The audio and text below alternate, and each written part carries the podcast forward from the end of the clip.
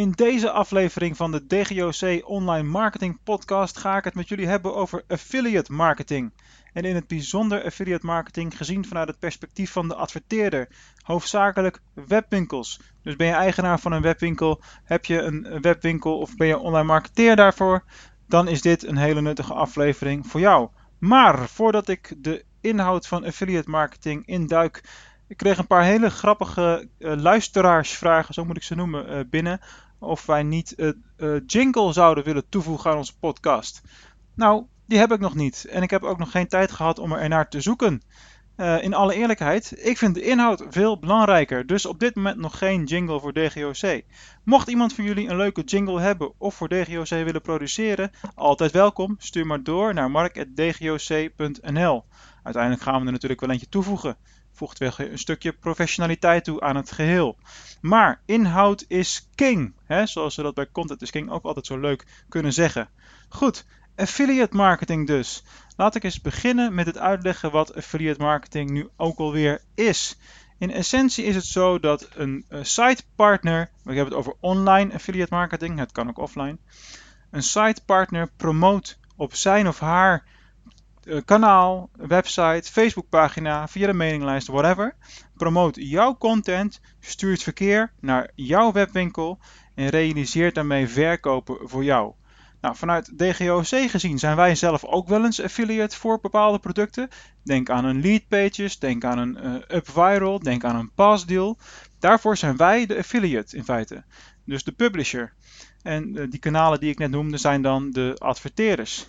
Um, ja, in mijn jarenlange ervaring als online marketeer uh, heb ik uh, heel veel van dit soort campagnes mogen uitvoeren voor allerlei webwinkels. Dus ik weet wel ongeveer van de hoed en de rand, om het zo maar te zeggen. Goed, binnen affiliate marketing uh, zijn er een aantal branches die, ja, zou kunnen zeggen, oververtegenwoordigd zijn.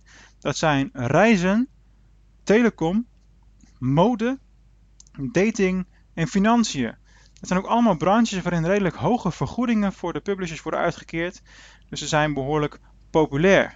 Dus dat zijn in ieder geval de grootste jongens van de klas. Maar als jij hele andere producten verkoopt in die webwinkel, misschien is het juist dan goed om eens een affiliate marketing uh, campagne op te starten.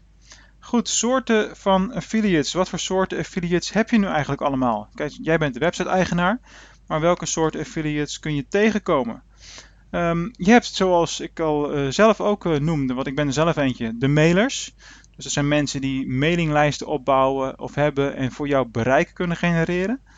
Uh, je hebt mensen met bijvoorbeeld een blog of een YouTube kanaal of andere sinds van videopublicaties. die kunnen ook bereik voor jou genereren. En zo zijn er nog veel meer soorten affiliates denkbaar. Nou, hoe werkt dat nu technisch gezien? Dat is ook even belangrijk om uit te leggen. Op het moment dat ik, laten we even uitgaan van een blog over uh, kookspullen. En ik schrijf een uh, artikel over uh, een nieuwe braadpan. Ik heb dan even het blog in dit geval. Dus ik schrijf het artikel en ik link daarmee naar jouw kookwebwinkel. Die link die is dan geen natuurlijke kale link, maar dat is een link die gecodeerd is. Dus gecodeerd met een soort uh, tracking daarin. En er wordt een cookie geplaatst op, op de PC van degene die doorklikt. En daardoor kan worden vastgesteld of ik een rol heb gespeeld in de totstandkoming van een bepaalde verkoop. Dus dat is hoe dat technisch gezien werkt. Nou, hoe, hoe wordt dat stukje techniek nou verzorgd? Nou, daar zijn affiliate netwerken voor. In Nederland heb je er een aantal. Ik zal de grootste even opnoemen. Uh, met voorsprong de grootste op dit moment is uh, Daisycon, waar het gaat om webwinkels. Dan heb je nog partijen als Trade Doubler, um, M4N, maar die is een tijdje geleden overgenomen. De nieuwe naam schiet me even niet te binnen. Uh, en een andere grote is ook Trade Tracker. Dus als webwinkelier heb je een uh, aantal keuzes om te bepalen bij welk netwerk je gaat aansluiten. Nou, om daar gelijk even op voor te borduren, hoe bepaal je nu bij welk netwerk jij als webwinkelier wil gaan, gaan hangen? Dat is eigenlijk heel simpel. Je kijkt binnen dat netwerk hoe de potentie is van hun binnen een bepaalde branche. Doet de ene partij het bijvoorbeeld heel erg goed in de automotive branche, is een andere partij weer meer gespecialiseerd in reizen. En hebben zij binnen dat segment uh, meer uh, bezoekers te bieden aan jou. En uiteindelijk is dat hetgene waar, natuurlijk waar je naar uh, op zoek bent. Goed, wat zijn nou dingen als je kijkt naar affiliate marketing waar je op moet letten? vanuit de adverteerder gezien. Hè? Dus jij bent degene met de webwinkel. Je hebt hem inmiddels een programma gelanceerd. Maar waar moet je nou uh, op letten in het belang van die, van die publishers? Um, ten eerste, wees je ervan bewust dat alles wat jij uh, van zo'n netwerk verwacht, houd die verwachting heel laag. Een netwerk is een facilitator. Dus dat wil zeggen dat er in het begin allerlei acties voor je worden opgezet. Er wordt een campagne gedaan, die wordt dus meegenomen in een nieuwsbrief. Er gebeurt van alles en nog wat, met name in de eerste maand. Maar daarna valt het vaak heel erg stil. Um, dat betekent dat je zelf op zoek moet gaan naar die affiliates die in dat netwerk aangesloten zijn. Zelf relaties moet gaan bouwen, relaties moet gaan leggen. Om ervoor te zorgen dat zij jouw producten willen gaan promoten. Ja, en dat is gewoon waar het echte werk, uh, werk in zit. Um, daar moet je vervolgens natuurlijk wel elke dag, zoals met heel veel dingen, daadwerkelijk mee aan de slag gaan. Anders zul je daar nooit het resultaat mee, uh, mee bereiken. Nou, stel je nou voor dat je inmiddels zover bent dat je een aantal publishers hebt, dat die jou zijn gaan promoten. Wat is dan belangrijk om op te letten voor die mensen um, om het verschil te maken? Nou, ten eerste, zorg ervoor dat op jouw website, maar dat, dat geldt ook voor andere kanalen, dat je geen conversiekillers hebt.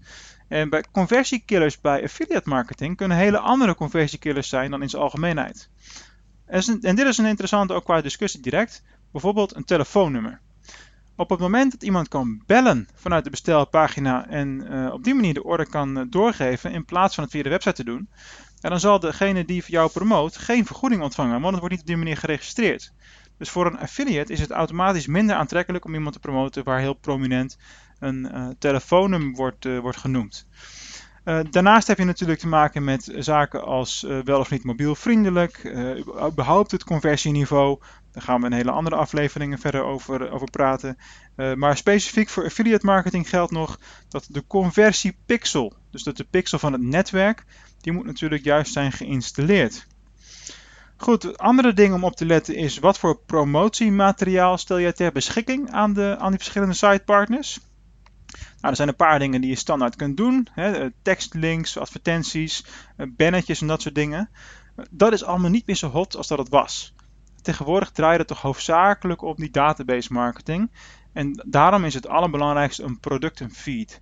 Dus heb je, en die heb je ook voor allerlei andere zaken nodig. Dus heb jij bijvoorbeeld uh, duizend producten in je webwinkel, zorg er dan voor dat je een productfeed kan aanbieden aan het affiliate netwerk, zodat de partners die aan uh, feed marketing doen, en dat zijn er heel veel tegenwoordig, ook al jouw producten daarin mee kunnen nemen. En waar heb je zo'n productfeed nog meer nodig? Bijvoorbeeld voor de prijsvergelijkers zoals een beslist.nl en vergelijk.nl, etc.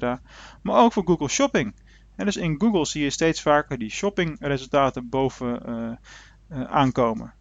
Goed, dat was even een hele korte introductie in affiliate marketing, wat affiliate marketing is. Ik gaf al aan dat er verschillende netwerken in Nederland zijn over affiliate marketing. En in toekomstige afleveringen zal ik ook interviews gaan houden met mensen van verschillende netwerken, mensen vanuit de adverteerderskant, mensen vanuit de publisherskant, om te kijken waar nu de beste practices zitten en uh, waar de meeste omzet uh, te halen valt. Dus goed, dat was hem weer voor vandaag. Uh, vergeet niet als je het nog niet gedaan hebt om uh, je te abonneren op de podcast. Dat kan via iTunes, Stitcher of Podbean. En natuurlijk download nog even mijn boek Succes met e-commerce via dgoc.nl slash ebook. Tot de volgende keer.